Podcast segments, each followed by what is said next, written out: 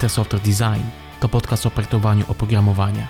Wraz z moimi gośćmi rozmawiamy o architekturze, szczegółach implementacyjnych i wyzwaniach z tym związanych. Jeśli interesujesz się tworzeniem oprogramowania, to ten podcast jest właśnie dla Ciebie. Zapraszam na odcinek.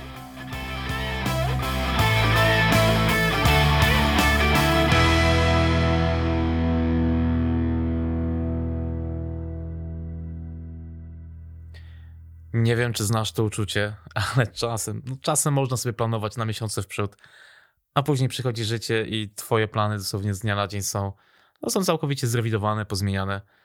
E, I w sumie ważne dla mnie w tym momencie jest to, że właśnie dzisiaj, kiedy nagrywam wstęp do tego odcinka, na planie Legacy Fightera padł ostatni, ostatni klap z tej produkcji. I w sumie to z perspektywy czasu widzę, jak ogromny to był wysiłek, zresztą nie tylko dla mnie, Dwa lata, dwa lata od pomysłu, ponad rok intensywnej pracy, oczywiście w połączeniu z innymi zajęciami, którymi się zajmuję na co dzień, ale feedback, jaki otrzymaliśmy i cały czas otrzymujemy od uczestników Legacy Fightera, to całkowicie, całkowicie wynagradza ten cały wysiłek i poświęcenie, jakie trzeba było dokonać. Mm, ale z perspektywy podcastu, no tutaj trzeba przyznać, że Legacy Fighter niestety miał całkowity priorytet wywłaszczający zupełnie inne wątki i to właśnie z tego powodu w ostatnich tygodniach między innymi nie ukazywały się kolejne odcinki podcastu. Ale w szufladzie czekają już kilka naganych rozmów, mm, także mam nadzieję w najbliższej przyszłości zagościć w waszych słuchawkach i głośnikach na trochę dłużej. Tym bardziej, że w międzyczasie dopominaliście się bardzo mocno o kolejne odcinki, za co naprawdę, naprawdę bardzo serdecznie dziękuję. Za te wszystkie wiadomości na Twitterze, na Instagramie, na LinkedInie, na mailu. Jeszcze raz bardzo, bardzo dziękuję. I zaczynamy od kontynuacji rozmowy w temacie event sourcingu. E, dlaczego ten temat? E, odcinek z Oskarem Dudyczem spotkał się z tak ogromnym zainteresowaniem z waszej strony, że nie mogłem sobie odmówić tej przyjemności i zaprosiłem Oskara ponownie. Zresztą mamy z Oskarem kilka ciekawych pomysłów na kolejne rzeczy, o których chcielibyśmy porozmawiać. Także, jeżeli jesteście zainteresowani tą właśnie tematyką, o której mówi Oskar, czyli generalnie event-driven, eventy, event sourcing, to bardzo Was proszę, dajcie mi znać w jakikolwiek sposób. Pomyślimy z Oskarem, co możemy dla Was przygotować. Nazywam się Mariusz Gil i zapraszam Ciebie na kolejny, 33 z kolei odcinek podcastu Better Software Design.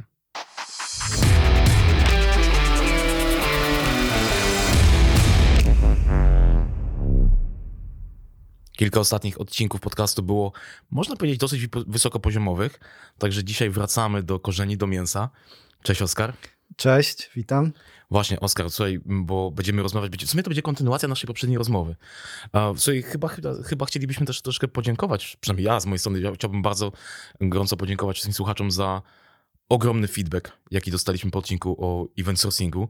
Także ja dziękuję gorąco za wszystkie komentarze, czy tutaj na na Twitterze, na, na, na Instagramie, gdzieś na LinkedInie.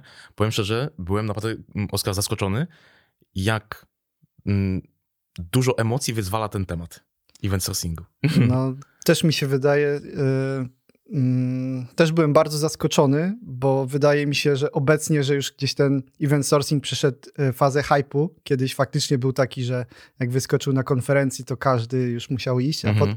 ostatnio wydawało mi się, że ludzie jakoś mają trochę przesyt, ale faktycznie ten feedback i liczba pozytywnych komentarzy, ale też takich dobrych pytań, które się gdzieś pojawiły poza um, gdzieś tam w mediach społecznościowych, no to naprawdę był dla mnie bardzo zas pozytywnie zaskakujący. Także też dziękuję. No tutaj w sumie obaj dziękujemy.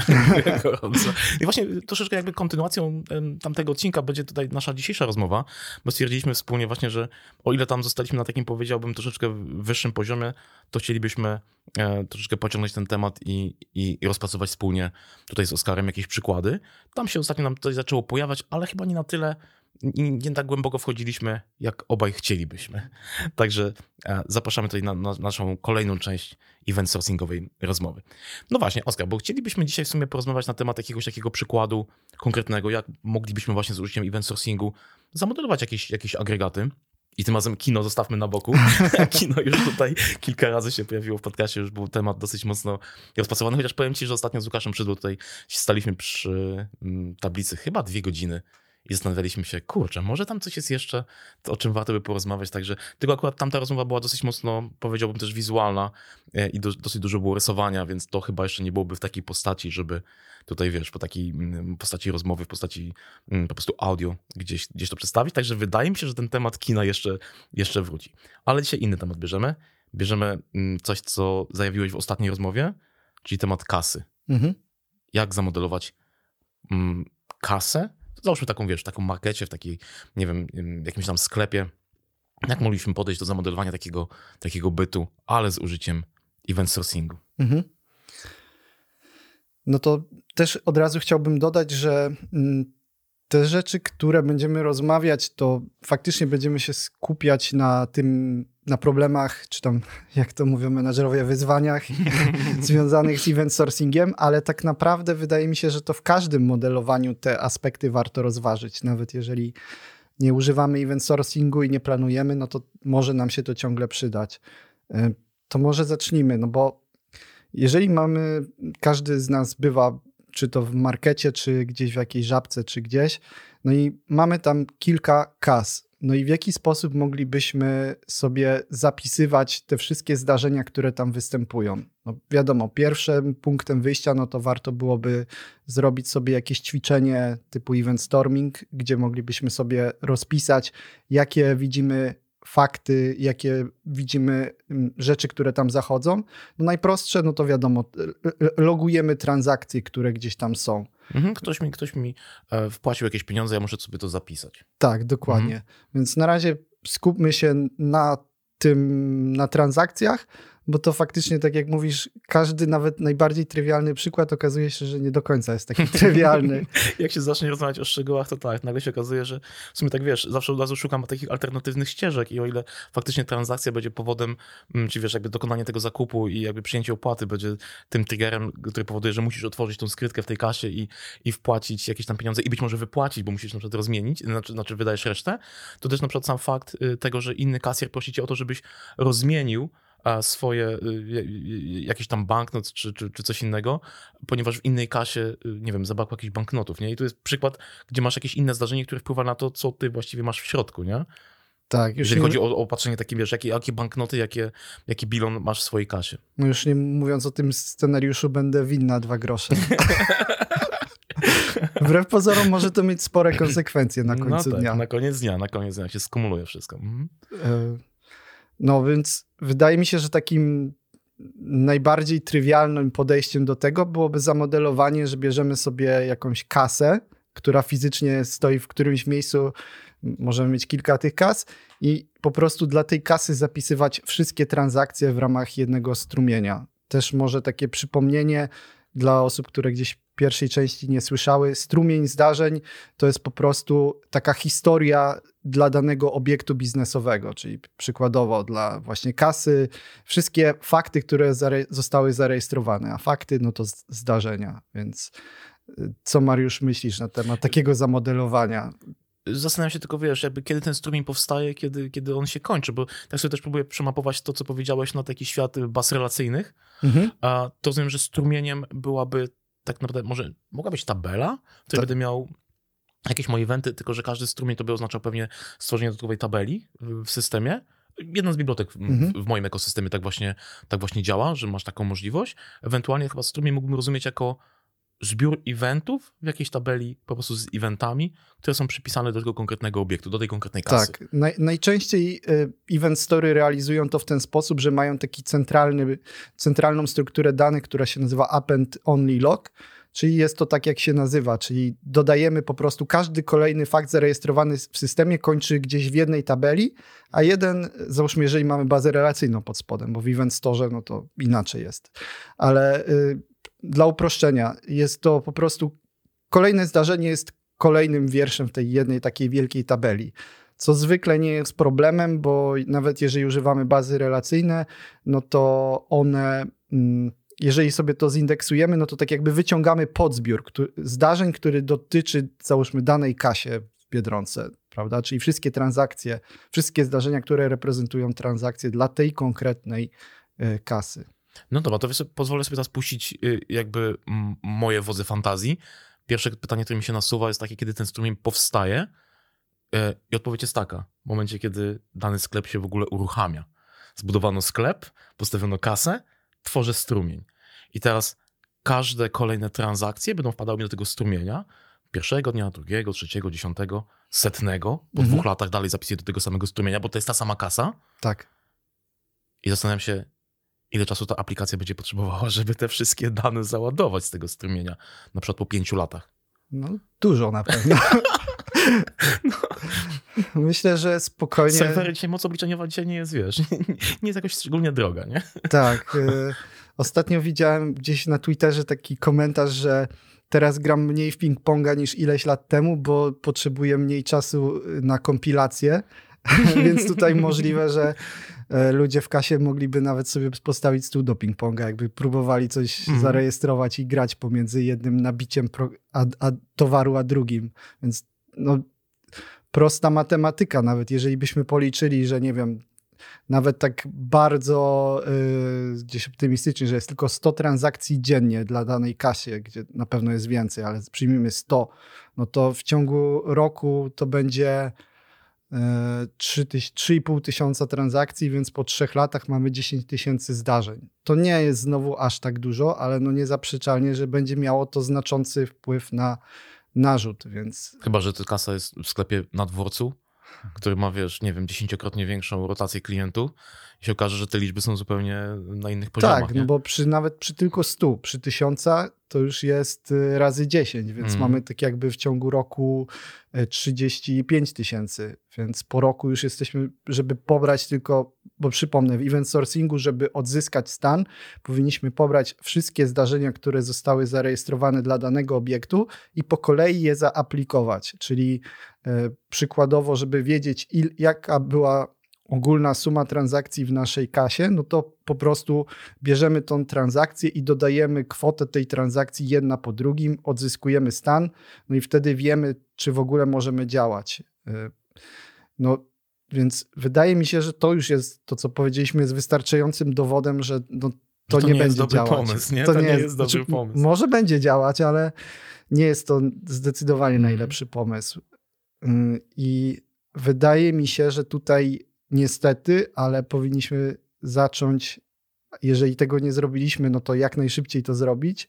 Jest, I jesteśmy w takiej sytuacji, ale najlepiej zacząć ogólnie od modelowania, czyli znowu wrócić do, y, do biznesu, wrócić do jakiejś y, tablicy, y, zakreślić sobie, bo bardzo często, jeśli zaczniemy się pytać biznesu, to okazuje się, że w, w naszym procesie biznesowym można wyodrębnić cykle. No i w kasie takim oczywistym cyklem jest zmiana kasjera, czyli polega to na tym, że kasjer zwykle przychodzi ze swoją kasetką, y, wkłada ją do kasy, wbija jakąś swoją kartę, y, za, deklaruje i jaka jest go, kwot, stan gotówki w, w tej szufladzie, no i rozpoczyna swoją zmianę. Na koniec dnia zabiera tą swoją kieszonkę, no i potem przychodzi inny kasjer z tą samą lub swoją kieszonką i powtarza tak jakby cykl, Mhm, jeden mhm. po drugim. I wydaje mi się, że jeżeli byśmy spojrzeli na ten proces biznesowy w ten sposób, no to po pierwsze mm, ułatwi to nam, o czym za chwilę na pewno podyskutujemy, a z drugiej strony będzie też bliższe takiemu faktycznemu, jak to działa w rzeczywistości, bo my często zamiast zastanowić się, jak to działa tak w rzeczywistości, to próbujemy od razu rozwiązać techniczny problem. Chcemy usiąść, zakodzić i, i, i, i często tworzy to nam jakieś dodatkowe problemy, które byśmy nie mieli. O właśnie, bo to w tym przykładzie, o którym zaczęliśmy tutaj rozmawiać, nie, jeżeli byśmy faktycznie wyszli od tego konceptu, ok, mamy kasę, nie, czyli patrzymy na rzeczowniki i gdzieś tam te zachowania, te czasowniki, czyli wiesz, opis tego, jak to się zachowuje, nam gdzieś umyka, to faktycznie ten model, jeżeli ten problem, który my rozwiązujemy, jest dosyć złożony, no, zaryzykuję stwierdzenie, że to może być takie dosyć mocno wynaturzone. Ale to Tak. patrzenie na, na, na to, jak to się zachowuje w świecie rzeczywistym, to jest bardzo takie otrzeźwiające. Że Mhm. Czasami w sumie to my powinniśmy to odwzorowywać jakoś tam w oprogramowaniu. I popatrzenie właśnie na to, że okej, to występują te takie momenty, kiedy ten kasjer przychodzi e, z tą kasetką i czasami jeszcze musi tam napisać jakiś raport. Nie, to też pokazuje, że w momencie, kiedy on tą, tą kasetkę, wiesz, zabiera na koniec takiej swojej zmiany, jak tu, tutaj mm, właśnie słowo klucz, zmiana, nie? Y, Zazwyczaj tam jest jakiś spisywany jakiś raport, te pieniądze gdzieś tam trafiają i tak dalej, i tak dalej. To widać, że już na tej kasetce od tego momentu tak naprawdę chyba się nie będzie wiele działo, do momentu, kiedy się otworzy następna zmiana tego samego kasjera. Dokładnie. nie? E, Dodatkowo też wydaje mi się, że tutaj są ważne te różne takie techniki wizualizacyjne, bo jeżeli byśmy sobie te nasze zdarzenia wyodrębnili sobie nie od razu w postaci kodu jakichś klas, tylko no nawet karteczek, poprzyklejali sobie, jakie zdarzenia będą występowały, to okazałoby się, że nie mamy tylko zdarzenia typu zarejestrowano transakcję, ale pewnie biznes by nam powiedział, że mamy zdarzenie, rozpoczęto zmianę kasjera, zakończono zmianę kasjera. Jeżeli byśmy mieli takie właśnie warsztaty i dyskutowali, jak ten proces wygląda, no to nagle by się okazało, że a co się dzieje po tym, jak ta y, zakończy się y, zmiana, no to pewnie odpowiedź byśmy dostali, no to wracasz do punktu wyjścia i rozpoczynasz nową zmianę. I wtedy dużo łatwiej byłoby tak jakby załapać to, że gdzieś występują takie cykle życia w Mhm, naszym, mhm. naszym procesie biznesowym. Ale tak jak mówisz, nie, tutaj użycie event stormingu by prawdopodobnie bardzo fajnie jakby pozwoliło tego dotknąć. My tutaj oczywiście używamy takiego przykładu, którego jest, może tak, jesteśmy w stanie go zaobserwować w przyrodzie. Nie możesz pójść do kasy, znaczy do kasy, do sklepu, możesz zobaczyć, jak to działa. Y, Ja tak sobie, wiesz, teraz przebiegam myślami szybko jakieś y, m, niedawne wizyty gdzieś tam w sklepach i faktycznie nawet ten moment zakończenia zmiany często na przykład powoduje, że musi podejść pracownik ochrony, żeby tego kasjera y, eskortować z tą kasetką, Tak. bo to jest potencjalnie tam, nie wiem, ileś tysięcy złotych, czy może nawet więcej. I tutaj, wiesz, nie, ch- nie chciałby, żeby się wydarzyła jakaś tam smutna rzecz, nie? Mhm. Więc widać, że tutaj faktycznie mm, taka wizualizacja, chociażby w postaci event stormingu, czy, czy jakieś inne techniki, mogłaby pomóc dotrzeć do tych zdarzeń i byśmy prawdopodobnie dosyć szybko się zorientowali, że tego jest całkiem, całkiem sporo. Może faktycznie nie będzie dobrym pomysłem, żeby to wszystko wkładać do jednego strumienia, tylko jakoś to pociąć. I tak, z tego co rozumiem, to tutaj proponujesz taki podział, który wynika tak naprawdę z upływającego czasu. Tak, dokładnie. Mhm. Czyli e, patrzymy ten aspekt ta- czasowy, czyli mm, po angielsku tem temporal i tniemy tak jakby ten jeden cykl życia, jeżeli byśmy sobie wzięli pierwotny cykl życia od otwarcia w ogóle naszej biedronki aż po jej kres, gdzie już e, zostaje zamknięta w ogóle, nic już nie ma, no to zamiast tworzyć taki nieskończony cykl potencjalnie życia, dzielimy to na mniejsze fragmenty. To jest tak jakby, to w dalszym ciągu dotyczy tej samej kasy, ale tak jakby wprowadzamy po pierwsze nowego aktora, czyli właśnie kasjera, czy też kasjerkę i dzięki temu też, no i przede wszystkim zmianę, bo to, co jest dla mnie osobiście bardzo ważne i ja z tym miałem bardzo długo problem, pewnie dalej mam, że ja skupiałem się, tak jak powiedziałeś, na rzeczownikach. Rzeczowniki przy modelowaniu tak naprawdę są ważne, ale dużo ważniejsze są czasowniki, bo często agregat nie reprezentuje em, konkretnego bytu fizycznego, tylko jakiegoś e, procesu, czyli przykładowo właśnie zmiany. Czy zmiana to jest byt fizyczny? No nie do końca. Kasjer jest i kasa to są fizyczne byty, a Mhm, zmiana mhm. to jest tak jakby proces, coś co trwa, więc od, od momentu rozpoczęcia do zakończenia.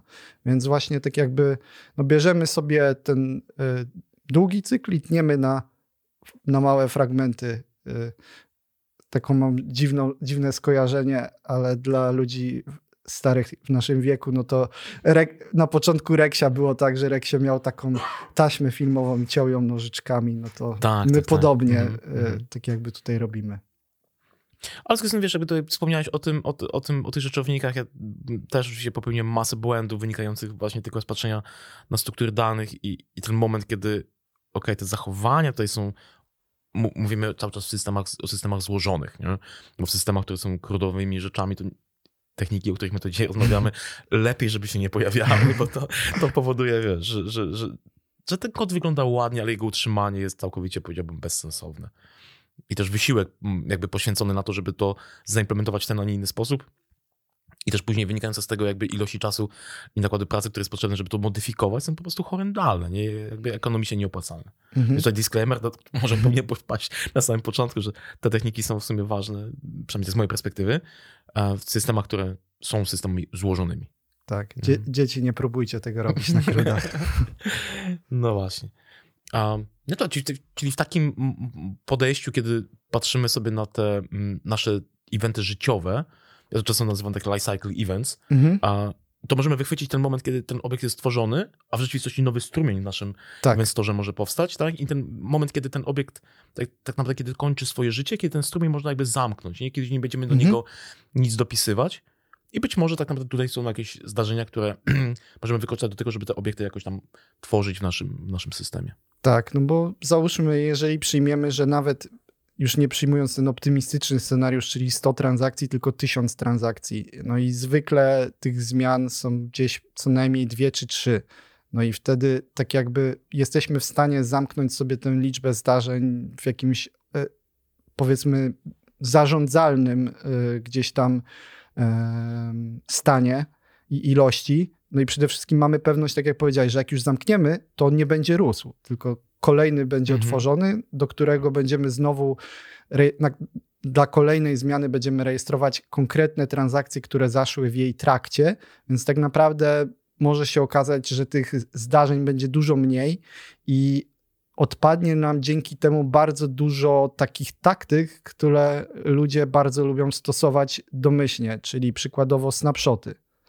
Czyli e, snapshot jest to zrzucenie aktualnego stanu naszego agregatu do jakiejś struktury danych i dzięki temu zamiast odtwarzać nasze, nasz, tak jakby nasz agregat ze zdarzeń i z tych faktów, które zostały zarejestrowane, strzelamy do załóżmy jednego konkretnego wiersza i mamy jeden, e, e, po prostu od razu mamy gotowe dane. No i to brzmi bardzo pięknie na samym początku, ale koniec końców jest to z mojej perspektywy bardzo kłopotliwe, bo tak jakby u, dzięki temu, że mamy te zdarzenia, to zdarzenia są zwykle małe i granularne. I one, jeżeli już zakończyliśmy modelowanie tego konkretnej fazy, no to proces biznesowy się aż tak dużo nie zmienia, wbrew pozorom.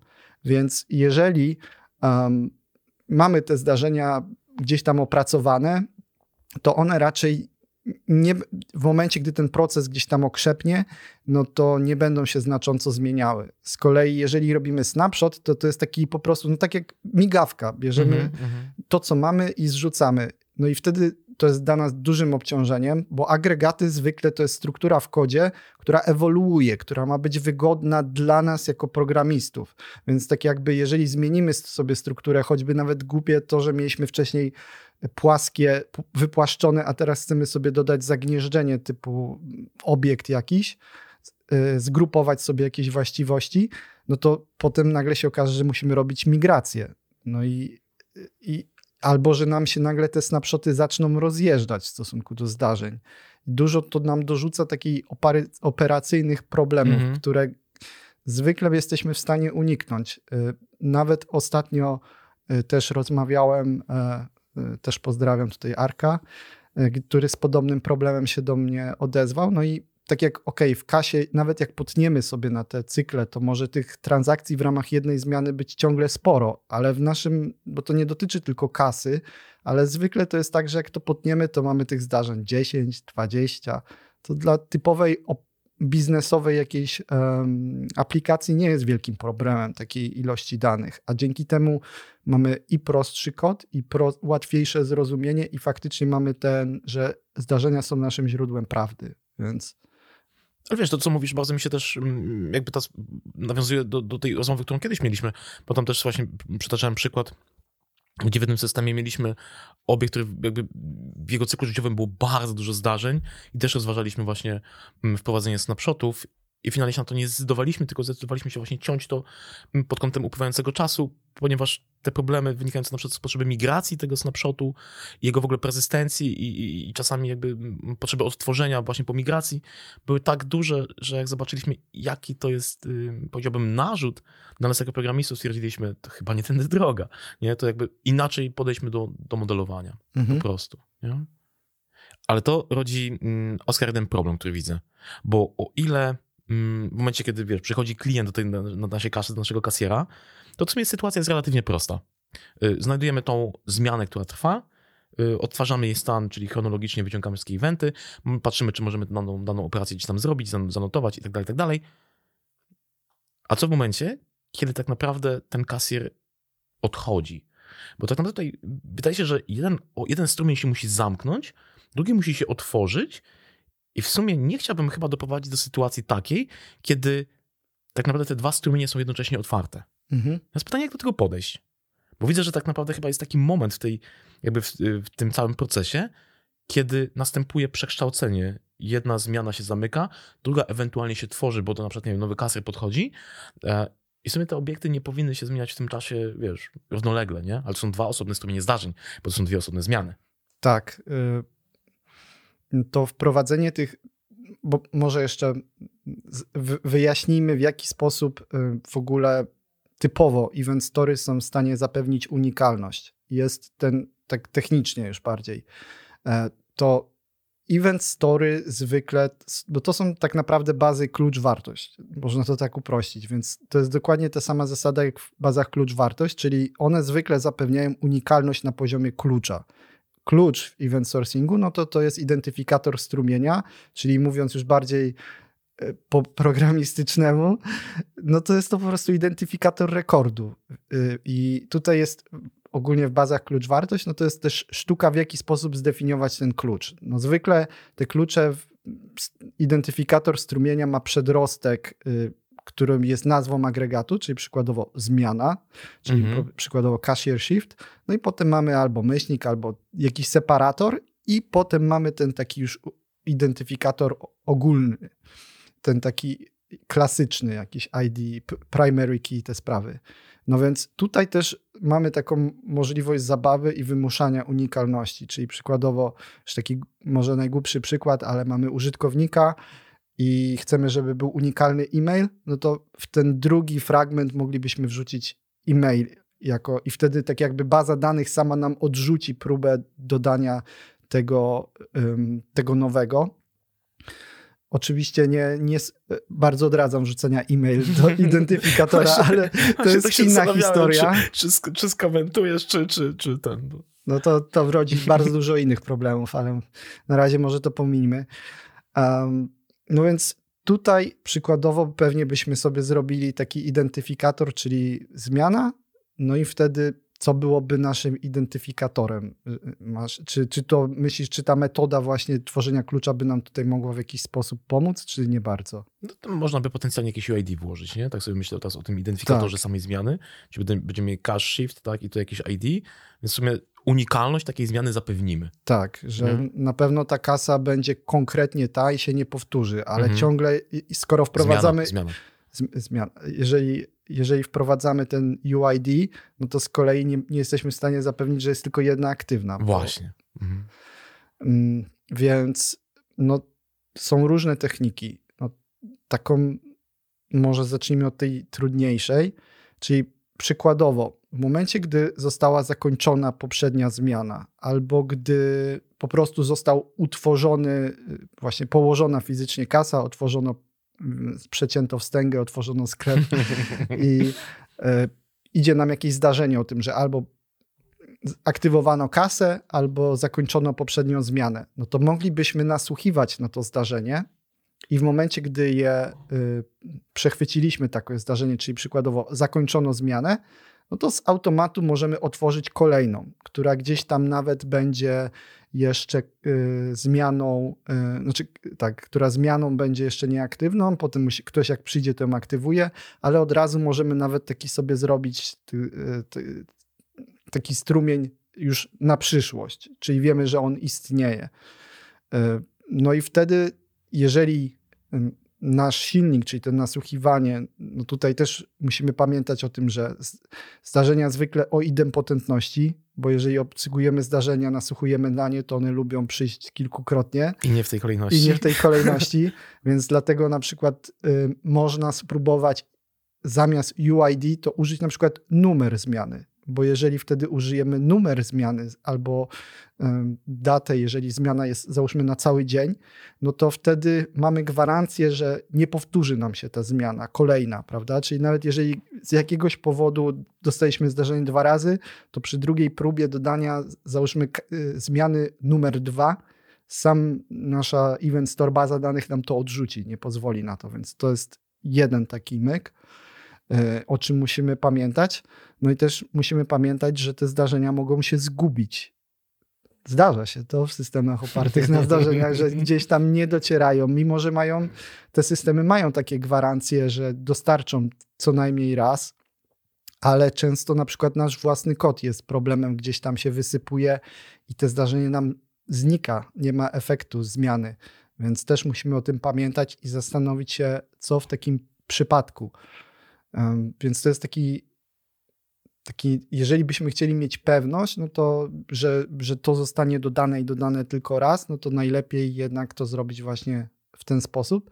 Z tym, że jest to oczywiście asynchronicznie, czyli jest opóźnienie pewne pomiędzy, więc nie, nie może być tak, że ktoś kliknął, ym, załóżmy zakończono zmianę i od razu może rozpocząć kolejną. Zwykle musi poczekać. Ten czas opóźnienia jest małe, ale jest. No tylko z drugiej strony, czy faktycznie to ma takie znaczenie w realnym świecie? Czy ktoś faktycznie tak robi, że już tam stoją y, dwie osoby, jedna tylko wyciąga, druga podmienia i jeszcze zrobi to szybciej niż, y, niż gdzieś to przeprocesowanie się w tle w naszym technicznym No rozwiązaniu? właśnie, no właśnie. Nie, niekoniecznie, nie? To w rzeczywistości wygląda troszeczkę inaczej.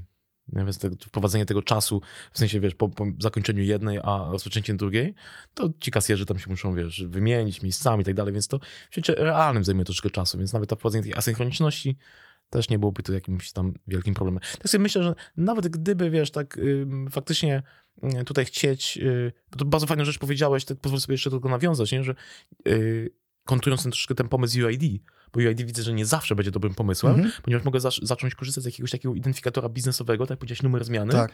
nie? Chociaż jako programista to aż mi tak, wiesz, jak naturalnie mi to poszło, nie? Dawa UID, nie? Bo nigdy się nie zdubluje i tak dalej, tak dalej, ale mogę mieć faktycznie wtedy troszkę więcej problemów na przykład z wykrywaniem duplikatów, nie? Nawet, wiesz, tak sobie teraz myślę, że gdybym oparł taką numerację tych zmian właśnie o numer sekwencyjny takiej, takiej zmiany, czy to jest, wiesz, w kasie, czy, czy na poziomie kasjera, bo to też może kasjer, a kasa to, wiesz, nie mogą się tam pewnie wymieniać swobodnie, że znowu trzeba by troszeczkę pogłębić naszą wiedzę o samej domenie, to nawet gdyby przyszedł jakiś zgubiony event z przeszłości, o jakimś numerze historycznym, nie, to jestem w stanie zobaczyć, aha, ale to już było, to już wiesz, to już było prawdopodobnie przeprocesowane, nie? Coś tutaj się generalnie e, gdzie, gdzieś, gdzieś tam popsuło. Tak sobie nawet myślę, że gdybyśmy chcieli faktycznie zapewnić gdzieś na przykład zapisywanie, czy nawet na- na boku, w jakimś innym obiekcie, jaka kasa, jaki numer tej zmiany jest teraz aktualny, bo to też można by gdzieś tam się uciec do takiego mm, jakiegoś y, dodatkowego obiektu, to nawet wydaje mi się, że właśnie przez to, że w świecie rzeczywistym nie jest tak, że to wiesz, ta zmiana następuje w ułamku nie, milisekundy, Mhm. tylko często to są minuty, to nawet zrobienie takiego, wiesz, jakiegoś semafora, jakiegoś loka i zagwarantowanie, że okej, kiedy to się, z- jakby jedna zmiana zamyka, druga tworzy, to nikt inny w tym czasie na tej kasie czy na tej zmianie nie jest w stanie nic operować, to taki lok na poziomie aplikacji, taki semafor też mógłby być jakimś tam rozwiązaniem. Tak, i taki semafor daje nam też dodatkowe rzeczy, bo tutaj też jest kolejna wada y, Unique Identifier, bo jeżeli masz załóżmy pięć zmian dla danej kasy i każda się nazywa e, cashier shift i ro, losowy ciąg znaków, no to w jaki sposób y, załóżmy nawet skąd będziesz wiedział, do którego strzelić strumienia, który jest ten twój aktualny? Nie masz żadnej informacji, więc tak naprawdę musiałbyś albo zrobić projekcję gdzieś na boku, czyli tak jakby wziąć te zdarzenia i gdzieś sobie zapisywać, co jest aktualną naszą zmianą. I tutaj też znowu musimy pamiętać o tym opóźnieniu technicznym, że ta projekcja nie, nie jest do końca naszym źródłem prawdy, tylko orientacyjnym, gdzie strzelić. Może to być wystarczające, ale moglibyśmy zrobić tak, jak powiedziałeś, czyli użyć, mieć też taki agregat jak mm, kasa, i używać go właśnie jako takiego semafora, który nam wpuszcza, wypuszcza, a dodatkowo też gdzieś nasłuchuje na te zdarzenia o otwarciu i zamknięciu zmiany i na przykład trzyma informację, która zmiana jest aktualna. Mhm, Więc w momencie, gdy tak jakby przepuścimy tego, y, te rozpoczęcie i zakończenie, to wiadomo, będzie za każdym razem jakieś kolejne zdarzenie wpadało do tego agregatu, no ale umówmy się, to nie będzie specjalnie problem, szczególnie, że otwarcie, tak jak wiemy, nie trwa za szybko, więc nawet jeżeli gdzieś tu byłoby nieco więcej tych zdarzeń do odtworzenia, to raczej rzadko będzie problemem, więc jeżeli byśmy mieli taki flow, że pierwsze przechodzi nam przez ten agregat właśnie y, kasa, od, rozpoczynamy, powiedzmy, otwieramy, zakładamy semafor, tworzymy sobie nowy strumień i jak wróci do nas zdarzenie, że już utworzyło, no to zaktualizujemy dane, że to jest nasza aktualna zmiana. I nawet jeżeli używamy tego Unique Identifiera, no to wtedy jesteśmy w stanie wiedzieć, która jest aktualna. Z tym, że jest to o tyle nieco niewygodne, bo potem ciągle, tak jakby musimy zrobić dwa zapytania. Najpierw powiedz mi, która to mm -hmm, jest mhm. aktualna, mm -hmm. A potem dopiero ym, weź już do niej strzel. Ale wiesz, tak sobie teraz myślę, bo tak właśnie też przebiegam myślami jakieś dziwne scenariusze, które mi się wydarzyły w kasie i teraz, wiesz, próbuję podważyć nasze rozumowanie.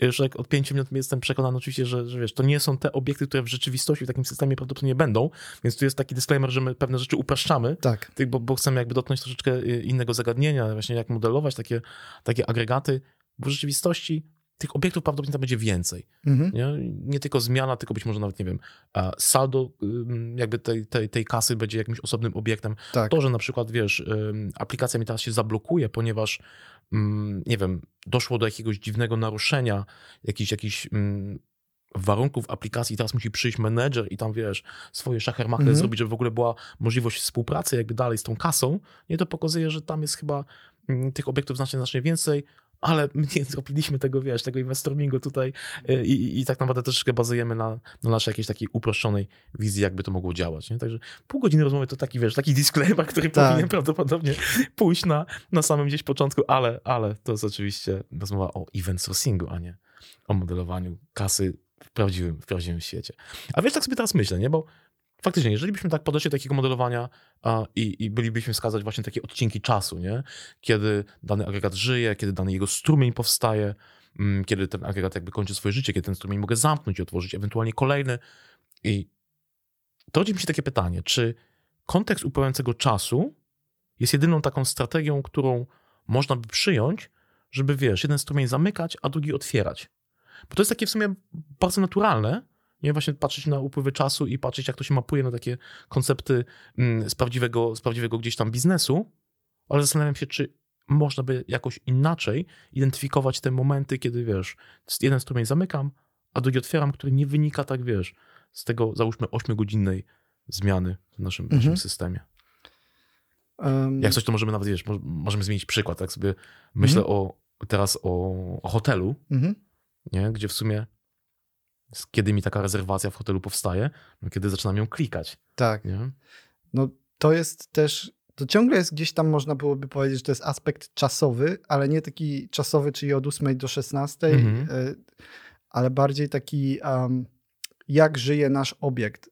No bo jeżeli byśmy spojrzeli właśnie na przykład hotelu i rezerwacji hotelowej, no to. Mm, tak naprawdę moglibyśmy sobie wszystko zamodelować jako jeden wielki byt rezerwacja albo pobyt gościa, który zaczyna się od momentu, gdy ktoś kliknął to na booking.com, aż po tym jak się wymeldował i dostał fakturę. Na upartego moglibyśmy tak zrobić, jedną tabelę, więc ja tylko, tylko, tylko, tylko więcej statusów będzie. Tak, y, no ale z kolei może się okazać, że jeżeli będziemy robić to w event sourcingu, no to znowu, że tych zdarzeń będzie dużo może nie aż tak dużo jak w transakcji, no bo umówmy się, ile tam zmian może być w ramach jednej rezerwacji, ale może to powodować y, różne inne problemy, takie już bardziej użyciu tego. Przykładowo, dla tymczasowej rezerwacji, taka, która jeszcze nie jest potwierdzona, gdzie sobie wybieramy, jaki to jest rodzaj pokoju, możemy sobie zmienić, możemy mm -hmm, wybrać, -hmm. czy chcemy mieć szampana w lodówce, czy róże na łóżku, czy coś innego, no to jest zupełnie inny zestaw reguł biznesowych niż już dla takiej potwierdzonej rezerwacji. I analogicznie, gdy potwierdzona rezerwacja przechodzi w pobyt gościa, czyli ktoś fizycznie przyjeżdża, robi check-in, no to jak już gość jest w hotelu, to to jest tak naprawdę już zupełnie inny byt de facto. No właśnie, bo to nie jest rezerwacja, nie? To jakby to jest, powiedziałbym, można powiedzieć, że w tym momencie rozpoczyna się jego pobyt w tym hotelu. Tak.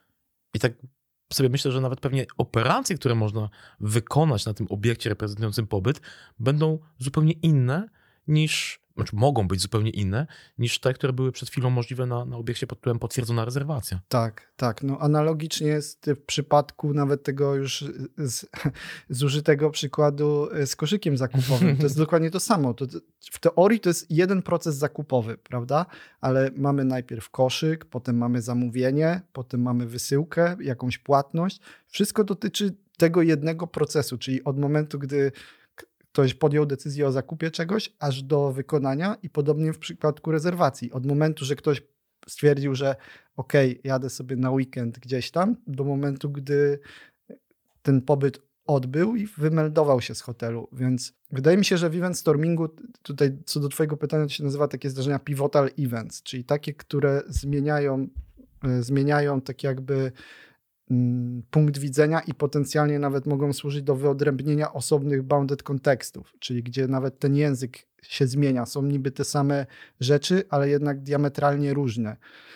Y, ty byś mógł pewnie lepiej powiedzieć, jak to w trakcie takiego procesu wyodrębnić, ale no zwykle to, jeżeli gdzieś to sobie rozrysujemy, to nawet nie musi być event storming, bo mówimy o event mhm. stormingu, ale możemy sobie wziąć to nawet na kartce, rozrysować ten proces i zwykle widzimy, że tak jakby jest już coś tu się zaczyna dziać innego, inne reguły, inne zasady, te rzeczy, które mogliśmy zrobić wcześniej, już nie możemy. Tak jakby są te reguły są de facto zaprzeczone, więc tutaj warto by podzielić taki fragment na, znaczy taki cały proces mm -hmm. na właśnie też, to też jest czasowy, bo tak jakby jedna rzecz przechodzi po kolejnej ale no... Tylko dokładnie nie wiadomo, kiedy ona przyjdzie. Dokładnie, dokładnie. Nie wiadomo, czy to będzie dzisiaj, jutro, pojutrze. Ale co, y, ciekawe jest to, że do tych zdarzeń, które nazywałeś właśnie z tymi zdarzeniami pivotalnymi, zdarzenia, które z mojej perspektywy po prostu są na tyle istotne, że one zmieniają reguły gry. Właśnie tak powiedziałeś, nie? że niektóre reguły biznesowe przed chwilą działały, teraz już nie, bo to jest w ogóle coś innego. Chociaż my tak logicznie możemy nazywać załóżmy cały czas rezerwacją, zamówieniem. Mhm. Bardzo łatwo się do nich dostać. W sensie one mogą być... Yy, i bardzo często są właśnie na takich warsztatach event stormingowych, podawane jako pierwsze. Wystarczy odpowiednio sprecyzować pytanie do eksperta domenowego, do, do kogoś, kto ma tą wiedzę domenową, który wie, jak to, ten biznes działa, albo powinien działać, a pytanie brzmi, powiedz mi, bez jakich zdarzeń, na przykład, nie wiem, dziesięciu albo pięciu, warto narzucić takie właśnie ograniczenie, żeby zaraz, wiesz, nie było połowy systemu na, na tablicy, bez których zdarzeń ten system nie istnieje. Nie? I w pierwszej kolejności, w 99,999 w okresie przypadkach, dostaniesz właśnie te zdarzenia, które my możemy wykorzystać do tego, żeby tak. ten strumień po prostu pociąć na mniejsze. E, I to jest zaskakująca, skuteczna technika. Wystarczy po prostu poprosić o to, żeby podać zdarzenia, bez których ten system nie istnieje. I zobacz, że automatycznie po prostu wyeliminujesz takie zdarzenia, na przykład, nie wiem, że nie udało się czegoś tam zrobić, nie, nie wiem, zdarzenia, które są, których istotność jest na przykład troszeczkę mniejsza, Typu, nie wiem, na przykład przedłużono pobyt o jeden dzień. Okej, okay, dobra, to dla mnie jest istotne, że zakończono pobyt, bo to mhm. zakończony pobyt przejdzie na przykład, nie wiem, w jakiś inny obiekt pod tytułem polecenie, tak. Mm, nie wiem, sprzątania i tak dalej. Mogę uwolnić dostępność tego pokoju, a to, że tam wystąpiło przedłużenie czy skrócenie, to jest detal, który gdzieś tam dopiero później będzie istotny, ale sam fakt, że e, kolejne zdarzenie jest takie, które właśnie tnie ten proces na, na, na inne części, to ono jest tym zdarzeniem, które, wiesz, musimy do, do, dowiedzieć się o nim w pierwszej kolejności. Zgadza się. I nawet y, już tak jeszcze tylko na chwilę technicznie schodząc, to nawet moglibyśmy wszystkie te byty, czyli przykładowo tymczasowa rezerwacja, potwierdzona rezerwacja, pobyt gościa, yy, faktura, czy tak jakby wszystko, co dotyczy tego samego procesu, one nawet mogłyby współdzielić ten sam identyfikator, czyli taki identyfikator procesu jeden, żeby łatwo było wiedzieć, który strumień jest kolejnym, tak jakby do którego możemy strzelić. Dzięki temu, że załóżmy mamy przedrostek, tymczasowa rezerwacja i tutaj jakiś identyfikator. Potem mamy potwierdzona rezerwacja i, i ten, y, ten tak jakby sufiks, dokładnie ten identyfikator może być nawet ten sam, więc bardzo -hmm, łatwo -hmm. jesteśmy w stanie skorelować tak jakby, które te poszczególne byty mimo że pierwotnie mogłyby być jednym wielkim strumieniem, to tutaj mamy tak jakby pocięte i już mamy je dużo mniejsze i łatwiej zarządzalne.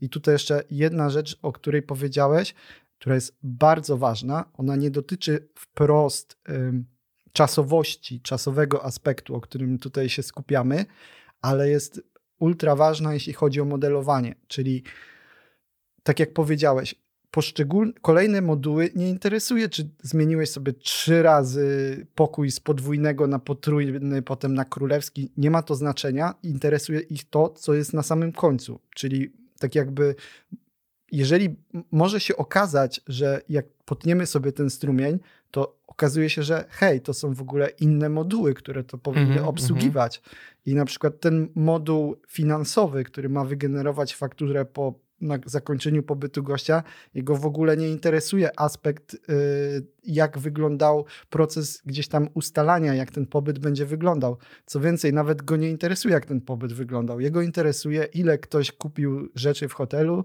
ile musi y, za co naliczyć. I wiadomo, interesuje co, żeby to gdzieś wypisać na fakturze, ale nie interesują go takie szczegóły.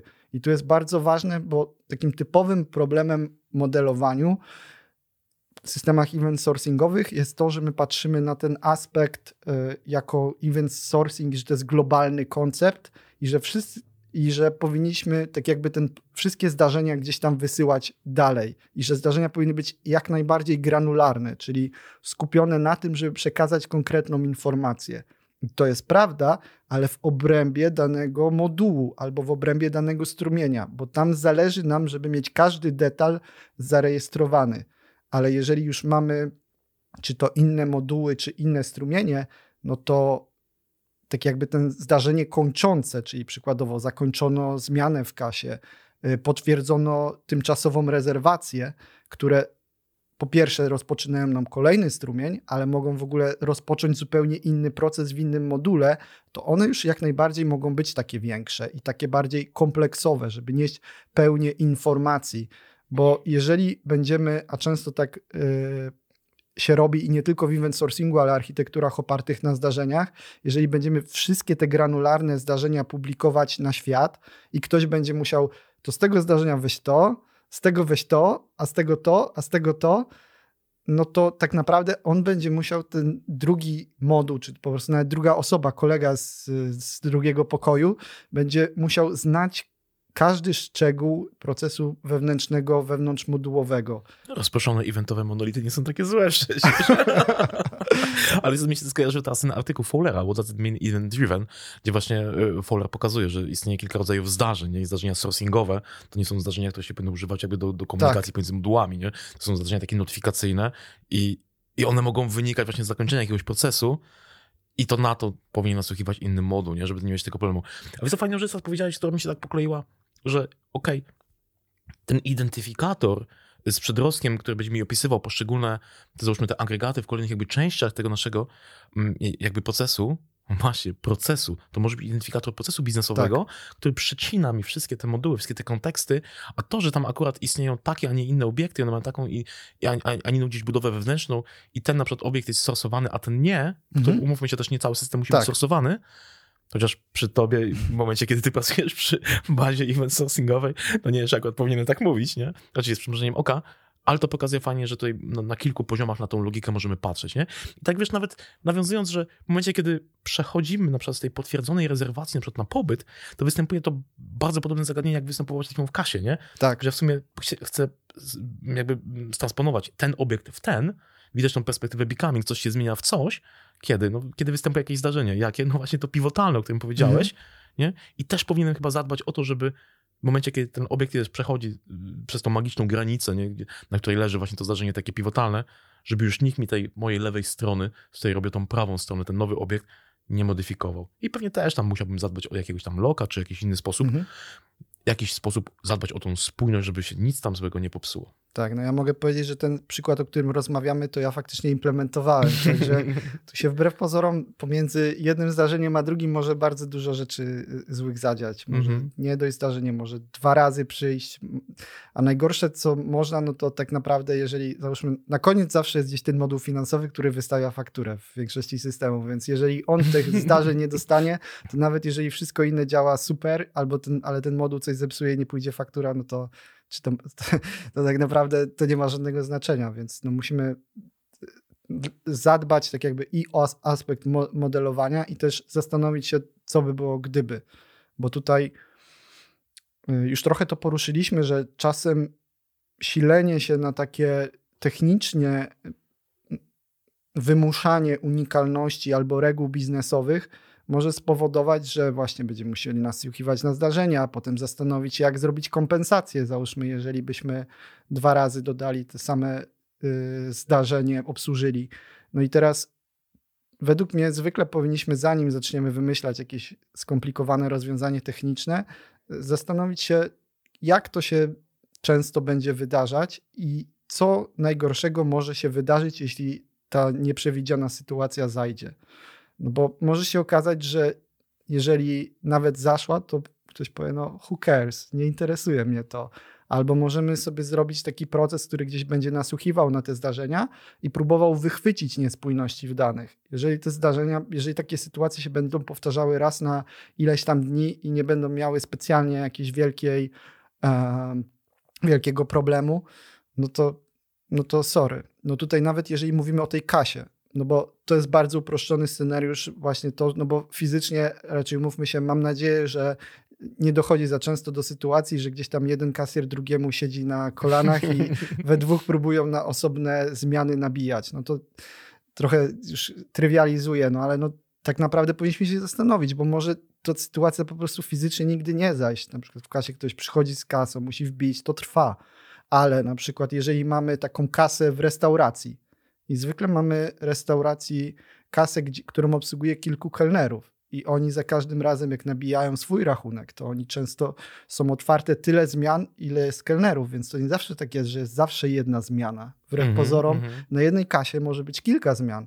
Ale jeżeli byśmy sobie zerknęli, jak ci ludzie to robią, a czasem robimy, bo nie chcemy czekać, idziemy do kasy, czy możemy tam nabić, to zobaczymy, że jest pokazane, że jest tyle zmian, weź wybierz swoją, prawda? Więc często jest tak, że te takie sytuacje, które jeżeli byśmy chcieli za, z, y, założyć, że stuprocentowo, że nigdy się to nie wydarzy, nigdy, technicznie nam zajmie to miesiące nawet, to może się okazać, że jakiś prosty trik UI-owy albo zastanowienie się właśnie, jak ten proces biznesowy działa, może nam zaoszczędzić masę roboty. No bo nawet jeżeli rozpoczniemy dwie zmiany i wychwycimy to, że są dwie i pokażemy, że no to która jest ta twoja? No i kliknie ktoś, to jest moja, a tamtą sobie zamkniemy w tym momencie, no to sytuacja, problem zniknie. O ile po prostu zastanowimy się, co może pójść nie tak i, e, i wyobrazimy sobie, w jaki sposób moglibyśmy temu zapobiec. I zwykle tak naprawdę takie operacje kompensacyjne, to my jako programiści, no w każdym razie ja tak długo myślałem, że o Boże, to nie zadziała i świat się skończy. A i że to jest w ogóle błąd. A to tak naprawdę nie jest błąd. To jest bardzo często zwykły proces biznesowy, który normalnie, jak się pogadamy z jakimś specjalistą domenowym, no to on powie, no nie, no tak się robi, no tak się u nas robi. I my tak mówimy, ojej, co ten biznes wie, jak to w ogóle można tak robić. No ale tak działa biznes i tego my, naszym zadaniem, no z całym szacunkiem dla nas, ale jest zrobienie tak, żeby to działało dobrze, tak jak chce biznes, prawda? A często za bardzo chcemy wyjść ze swojej roli, tak jakby narzucać. Właśnie, nie, nie wszystko. Wydaje się też, że nie, nie każdy przypadek powinien być obsłużony w kodzie. Nie jest to, powiedziałbym, ekonomicznie nieopłacalne, znaczy opłacalne. Mm, jeżeli coś występuje, tak jak mówisz, nie, raz na jakiś czas, kompensacja tego, tym, wiesz, tym słynnym interfejsem białkowym jest po prostu tańsza nie, niż oprogramowanie tego, wiesz, tego przypadku, to się zdarza raz na milion. I to nie jest akurat ten przypadek, kiedy, wiesz, rakieta lecąca na Marsa tak. wybucha, nie, tylko po prostu wtedy ta osoba, wiesz, zrobi tam, nie wiem, dwa dodatkowe kliknięcia w innej części systemu, poprosi menedżera, że przyszedł i coś tam zrobił, to wiadomo, że to po prostu, to jest być może najlepszy sposób rozwiązania, niż tak naprawdę walka o to w kodzie. Wiesz co, nawet yy, nie pamiętam kiedy to było, w którymś module Legacy Fightera właśnie też mówiliśmy o tym, że nie każdy problem z wydajnością należy rozwiązywać na przykład wprowadzając do architektury, wiesz, rozwiązania typu CQRS, kiedy tak naprawdę możesz na przykład po prostu dopłacić więcej pieniędzy na przykład na twoim dostawcy cloudowym. No, zgadza się. I, i, I tyle. Rozwiążesz ten problem być może większą inwestycją tu i teraz, pozornie większą, bo musisz, wiesz, widzisz te pieniądze wydawane y, na przykład na, na jakąś tam zmianę parametrów tego, tego rozwiązania infrastrukturalnego, kontra te ukryte koszty, wiesz, zespołu deweloperskiego, który teraz mhm. przez najbliższe, nie wiem, dwa lata będzie to utrzymywał i suma summarum będzie to kosztowało na przykład, nie wiem, 10-20 razy tyle. Tak, no z tego, z tego co wiem, no to na przykład Facebook tak robił, że jak został utworzony, chyba dalej tak jest, że to był po prostu jeden wielki monolit i jeżeli oni chcieli go skalować wszerz, to oni po prostu dokładali kolejną instancję tego samego monolitu i tylko gdzieś tam robili e, routing, który gdzieś załóżmy dla tego regionu przekazywał zapytania tu, albo dla y, jakiejś y, funkcjonalność przekazywał tu, a tak na, wyłączał gdzieś tam feature flagami inne rzeczy. Pocięcie tego na pewno by kosztowało dużo, dużo więcej niż tego typu rozwiązanie, więc jak najbardziej. To wydaje mi się, że my za bardzo mm, jako programiści chcemy stworzyć taki idealny świat, który w ogóle nie istnieje. I przez to prowadzamy się sami w problemy, bo ja zauważyłem, że nawet jeżeli gdzieś tam w kodzie próbuję sobie zrobić jakiś sprytny, piękny, technicznie czy tam wzorcowy kod, ale który jest y, nie zgadza się z tym, jak proces biznesowy wygląda, to potem będę się męczył. Z każdą zmianą ja się będę męczył, bo z każdą zmianą będę musiał sobie przypominać, dlaczego tutaj zrobiłem inaczej, niż ten mój y, specjalista domenowy mówi, mm -hmm. prawda? No więc y, ja się w tym zupełnie zgadzam, więc warto tutaj y, no, zrozumieć, że świat nie jest idealny i, i, i jest ok, i powinniśmy go tak modelować takim, jakim jest. No. Że tak po, po, powoli będziemy się chyba powoli zbliżać do końca naszej rozmowy. Widzę jakby kolejne wątki na nasze kolejne odcinki. Jeżeli kiedyś tutaj przyjść, to ja cię serdecznie zapraszam, bo widzę, że poruszyliśmy temat, y, tak za, zahaczyliśmy go deduplikacji eventów. Ty siedzisz, Oskar, mocno w tematyce systemów rozproszonych, systemów eventowych, także też mógłbyś tutaj ciekawych, myślę, mm, kilka insightów dorzucić. Mhm. Jak to robić, bo to też jest właśnie problem, jak ja mogę sobie poradzić z sytuacją, kiedy dociera do mnie, na przykład po trzech godzinach, zgubiony event tak. i to jest ten event, który mówi wypłać milion złotych, nie? I, tak. I jak sobie z tym poradzić. A drugi temat, widzę, że y, tutaj też jakby z mojej perspektywy chciałbym jakby posłuchać tego, co, mm, o czym będziesz mówił, mm, to jest porównanie właśnie budowy event store. Tak, zacząłeś tutaj delikatnie mówić o tym, o, o tym, że tam jest klucz wartość i tak dalej, i tak dalej.